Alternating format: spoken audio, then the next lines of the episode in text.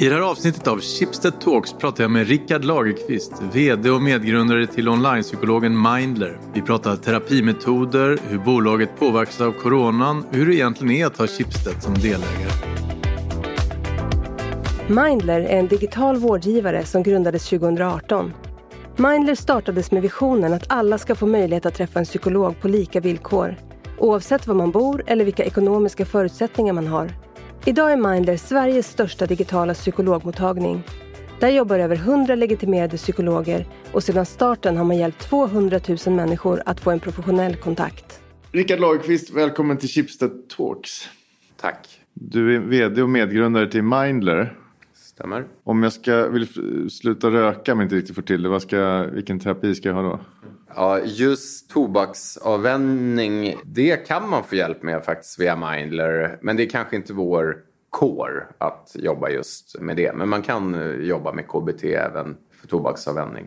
Vad är det för olika terapimetoder som finns hos er? Vi jobbar ju med, det är psykologer och det är evidensbaserade metoder vi använder vilket betyder att det finns forskning och klinisk erfarenhet och så. Det är inga konstiga stenar och sådär? Nej, inga kristaller och um, inte olika mer uh, flummiga Brygg, typer. Bryggder, teer. Exakt. Nej, men det är framförallt KBT och det är ju kognitiv beteendeterapi, tanke, känsla, handling. Det är egentligen, man skulle kunna säga att det bygger mycket på det väldigt gamla beprövade uttrycket. Det är inte hur man har det, det är hur man tar det. Kan man säga. Väldigt förenklat. Och det handlar mycket om att tankarna föder känslor som ofta föder agerande. Så tar man det här med nikotin och rökning så kan det handla om vad händer när man får ett sug, vilka tankar föder det och vilka känslor får man och hur kan man gå in och ändra det där innan man sitter med en cigg i handen. Och det är ju KBT och det är en beprövad metod som används inom sjukvården över hela världen och sen har ju den utvecklats vidare så att det finns andra metoder som är så att säga spin-offs på KBT som kan heta DBT som är dialektisk beteendeterapi det är en metod där man snabbt ska kunna komma i kontakt med sin terapeut eller psykolog när man får en väldigt jobbig känsla. Mm. Utan att det är uttalat att det är DBT så blir det indirekt det med Mindler eftersom att det inte är någon väntetid och så utan det går snabbt att komma i kontakt med en psykolog. Och sen har vi ACT som är också baserat på KBT men det handlar väldigt mycket om att acceptera sina känslor. Tidigare var det mycket att man hade en jobbig tanke och då gjorde man allt för att förändra den där tanken. Nu handlar det väldigt mycket om att vi är människor, vi kommer fortsätta tänka jobbiga tankar men det viktiga är att inte agera ut på de här jobbiga tankarna utan att man accepterar att nu känner jag så här och jag tycker att det är jättejobbigt och jag skulle helst bara vilja säga till den här personen vad jag tycker om den men istället då med akt så lär man sig att man fångar upp den här tanken, man eh, nästan bejakar tanken att nu känns det så här eh, och man accepterar att just nu känns det så här men jag kommer inte känna så här för alltid. Och så låter man det klinga ut och så förhoppningsvis då har man inte agerat impulsivt och, och, så. Säg att jag får en väldigt jobbig tanke som jag ändå inte står ut med och vill ha hjälp av er. Hur funkar det exakt? När jag ska liksom... Egentligen rent eh, tekniskt så skulle man nästan, för ACT är ju en eh, behandlingsmetod som eh, de flesta av våra psykologer jobbar med. Får ta ett nytt avsnitt och intervjua en sån. För jag, jag, jag menar ännu mer, ännu mer rent praktiskt. Jag har min telefon, jag ja. ringer till er. Ja, ja, ja. Okay, ja. Um, det, det, är ett videosamtal då med, med en terapeut, eller hur får jag till det? Exakt. I första hand videosamtal. Sen jobbar vi med en modell där vi kombinerar videosamtal, ibland chatt med psykolog, men i första hand videosamtal med någonting som kallas IKBT-program. Och IKBT-program är egentligen digitala kurser. Vilket är någonting som man som patient eller användare gör via vår app. Mm. Och då är det egentligen som läroböcker. Så det är en psykoedukation, alltså att man får en ökad kunskap om de här beteendena, tankarna och den ökade kunskapen gör att man bättre kan hantera olika situationer och då finns de här IKBT-kurserna eller programmen finns för ja, massa olika diagnoser typ depression eller ångest eller vad det nu kan vara för någonting. Och så gör man dem tillsammans med psykologen. Så att det är liksom ett moment av att man jobbar med en psykolog mer direkt och så jobbar man på egen hand eller man gör som läxor kan man säga emellan besöken. Vad kostar ett samtal för mig som patient slash kund? Helt vanlig patientavgift, så 100 kronor patientavgift och eh, har man frikort då är det ju gratis. Så en vanlig fredag eh, som det råkar vara idag när du och jag sitter hösten 2020. Ungefär hur många har ni som, som ringer till er? Väldigt många. Det, man kan väl säga så här, vi har gjort ungefär 200 000 besök eh, sen vi startade 2018. Men du, coronan då, det innebär liksom ett jättelyft för antalet. Den psykiska ohälsan har ju ökat säger de. Man kan väl säga så att den bestående påverkan som vi har haft i och med corona, det är egentligen mest att vi, mycket av den skepticismen som vi kanske mötte innan, det var mycket okunskap, så här videomöte med psykolog, kan det vara någonting, är inte bättre att träffa någon i verkligheten? Var det det som var den stora kritiken? Att ja, man exakt. måste sitta i varsin fåtölj mitt emot varandra för ja, att det ska liksom funka? Exakt. Vi människor är ju ganska rutinstyrda och man vill ju helst att det ska vara som det alltid har varit, men det är ju så, man har ju tittat på det här i studier och det är inte så att det är en sämre behandling för att man har ett videomöte och där skiljer sig psykologisk behandling säkert mycket från andra typer av medicinsk behandling. Men den skepticismen den är i princip borta för att i och med corona så ställdes man inför faktum att okej, okay, antingen så får man möta sin terapeut via videomöte eller så blir det inga möte överhuvudtaget. Och då har det öppnat upp väldigt många människor som kanske tidigare inte hade bokat ett möte på Mailer har tagit det steget och, och bokat nu. Hur många terapeuter har ni som jobbar hos er? Det är lite över 200 stycken i Sverige. Mm. Ja. Hur väljer ni ut då?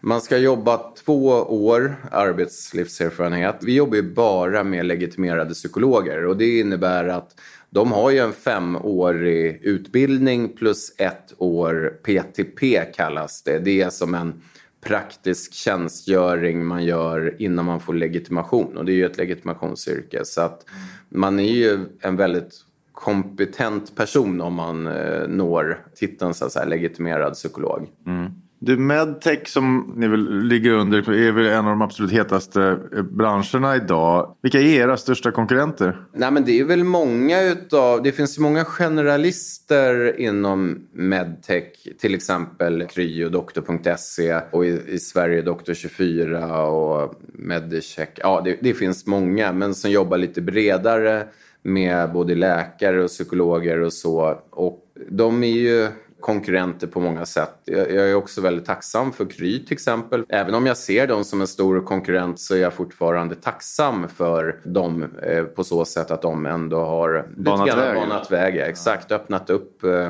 Ni driver varandra kanske lite grann.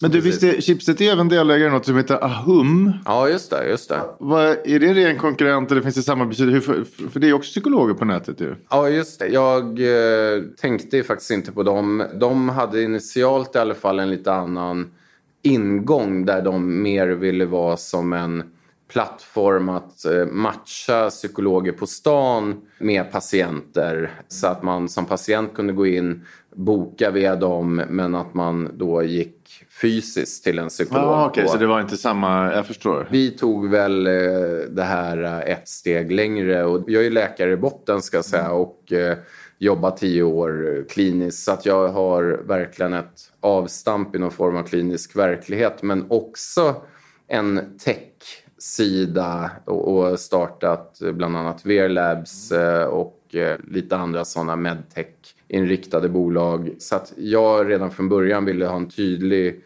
kombination av psykologisk expertis och teknisk innovation.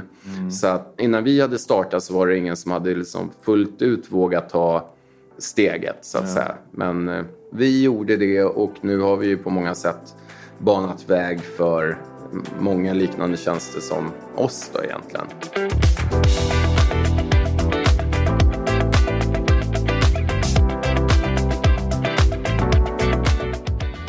Vad är du idag mest då? Läkare eller entreprenör? Nej, men jag är nog, nog 50-50 alltså. Det är ju, vi gillar ju att kategorisera in varandra och jag vet, jag stökar till det rejält för alla som eh, träffar mig för att man har så här, eh, ja man ska vara läkare, ja men då är man ju på ett sätt så bara, ja men vänta du har ju, du har ju massa tatueringar och kör motorcykel, då kan man inte vara läkare. Ja, jag är nog ganska mångbottnad skulle man nog kunna sammanfatta det som. Men jag älskar läkarjobbet jag älskar patientkontakten, jag älskar att göra en förändring på individnivå och liksom skapa en stark relation och bygga ett förtroende hos en patient. Men jag älskar också entreprenörslivet och möjligheten att få en djupare impact på inte en patient i taget utan tusen om dagen, vilket man ju i förlängningen gör när man har byggt upp en digital vårdgivare som kan nå så många som vi gör. När klev Schibsted in? Det var nu mitt under den mörkaste coronapandemin när himlen var på väg att falla ner på oss alla.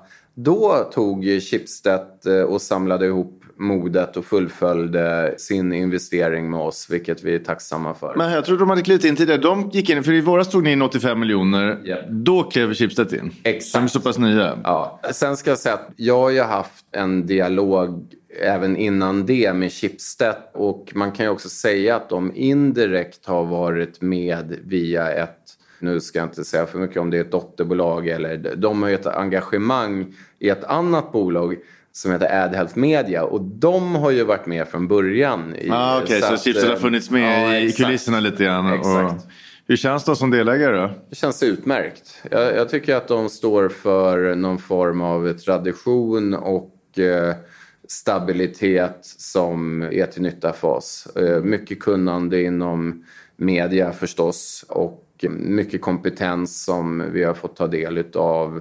Så vi har ju redan gjort en del roliga projekt som kanske inte hade varit möjligt med någon annan investerare. Vi gav ju till exempel ut en bok, mm. den lilla handboken om psykisk ohälsa, mycket traditionell eh, trycksak. Ja, bra. Men, eh, Vilka alltså, fick den? Den fick man beställa, eller man får beställa gratis faktiskt. På mot, hemsidan? Mot porto, ja precis. Och där eh, hade vi varit författare hade vi nog varit väldigt glada för den beställdes över 1000 ex på, ja det var knappt två veckor.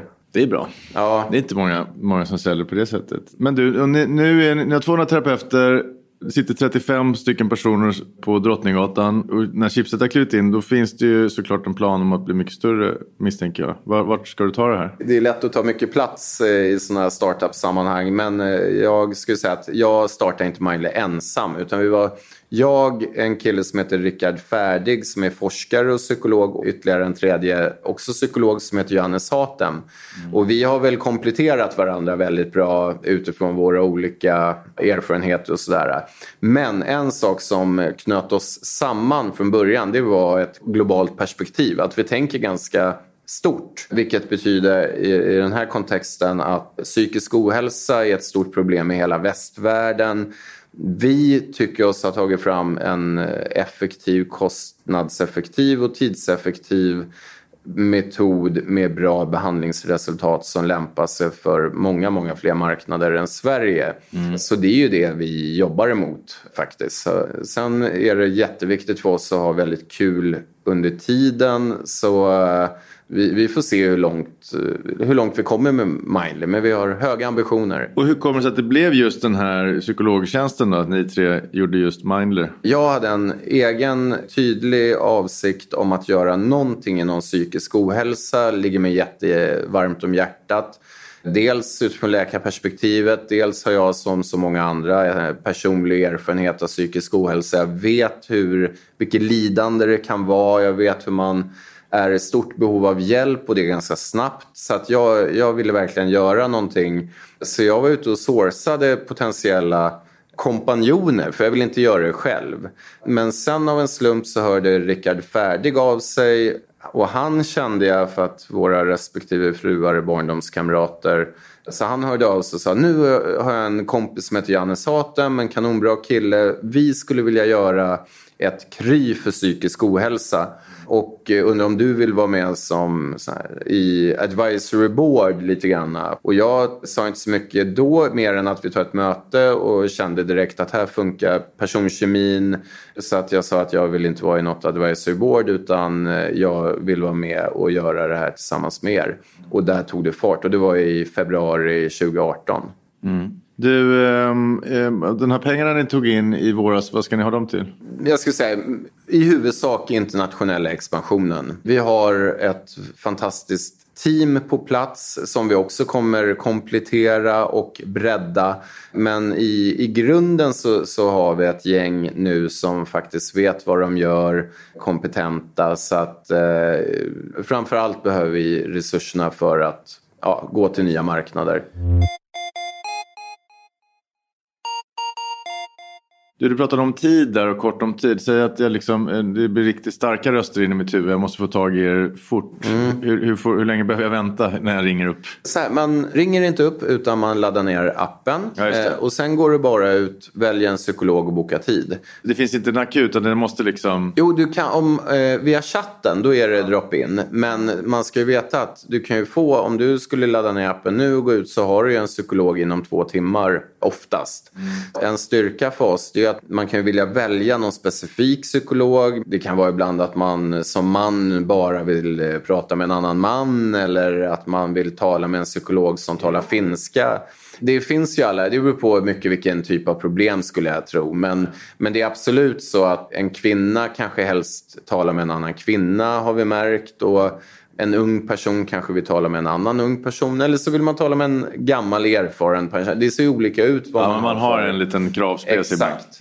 Så beroende på det och vilket språk och, och lite vilken ja, specialistområde psykologen har, då kan det ju ta längre tid. Men det är ju sällan mer än ett dygn man, man behöver vänta alltså. Du, och du har även grundat VR Labs bland annat. Vad lärde du dig därifrån som du tar med in i Mindler? Jag var ju nybörjare med VR Labs eh, vad gäller den här startup-världen så att jag skulle väl säga att jag lärde mig allt egentligen. Jag var ju entreprenör även innan det men jag saknade mycket nycklar för att kunna eh, få ett företag att flyga och det, det, fick jag på många sätt lära mig i, i VR Labs. Jag hade ju ganska tidigt en kompanjon som heter Simon Reinius och eh, han eh, hade den kunskapen så att eh, ja, jag var som en svamp och såg i mig massa kunskap där som är till stor nytta nu. Du, när man pratar om nätläckare generellt så, så, brukar folk skrika om överkonsumtion, att man ringer med torra armbågar till läkare. Sånt. Har, har ni sån problematik? Korta svaret skulle vara nej. Det är stor skillnad faktiskt på psykisk ohälsa och vad säger man, mer somatisk eh, facktermen, eh, kroppslig hälsa. Mm. Man har en tendens, sannolikt, eller en del har, att man söker väldigt fort med kroppslig hälsa. Medan med psykisk ohälsa är det det omvända även om det har hänt mycket, man har fått bort mycket stigma, vilket är positivt, mycket skam och skuld eh, kring psykisk ohälsa, så är det fortfarande så att man slänger sig inte på telefonen och söker hjälp även om man har varit deprimerad länge eller man har en ångestproblematik som ställer till det eller missbruk eller vad det än är. Så, så vi ser inte de tendenserna att man söker i onödan, så att mm. säga. Mm. Du, du, du pratade lite siffror där innan, 200 000 hittills. Om du kollar på nästa år, hur ser det liksom ja. ungefär? Hur många, hur många patientsamtal ska ni ha? Hur, hur, ja. Vad ska ni omsätta? Så här, vi, vi hoppas väl på fortsatt stark tillväxt. Sen, sen är det ganska avgörande om det går lätt eller inte lätt med nya marknader. Och eh, det kommer också påverka väldigt mycket hur många besök och så. Så att, eh, att det kommer bli ännu mycket mer än idag. Det, det, så långt är säkert. Men jag vill helst inte säga någon exakt siffra för det kommer sannolikt att visa sig vara fel ändå. Åt båda håll. Jag fattar. Du, eh, du var inne på något språkligt där. Min moster som börjar prata franska vill ringa till er och prata med någon. Går det då? Jajamän. Vi har uh, psykologer som tar det. Nu jag inte exakt, men runt 25 olika språk kan eh, psykologerna behandla på. Mm. Så att, eh, ja, hon borde kunna få hjälp. Bra. Mm. Stort tack, Rickard. Mm. Du har lyssnat på Schibsted Talks, en podcast som görs på uppdrag av Schibsted Employee Branding Team. Jag heter Hugo Renberg och producent var Jens Back.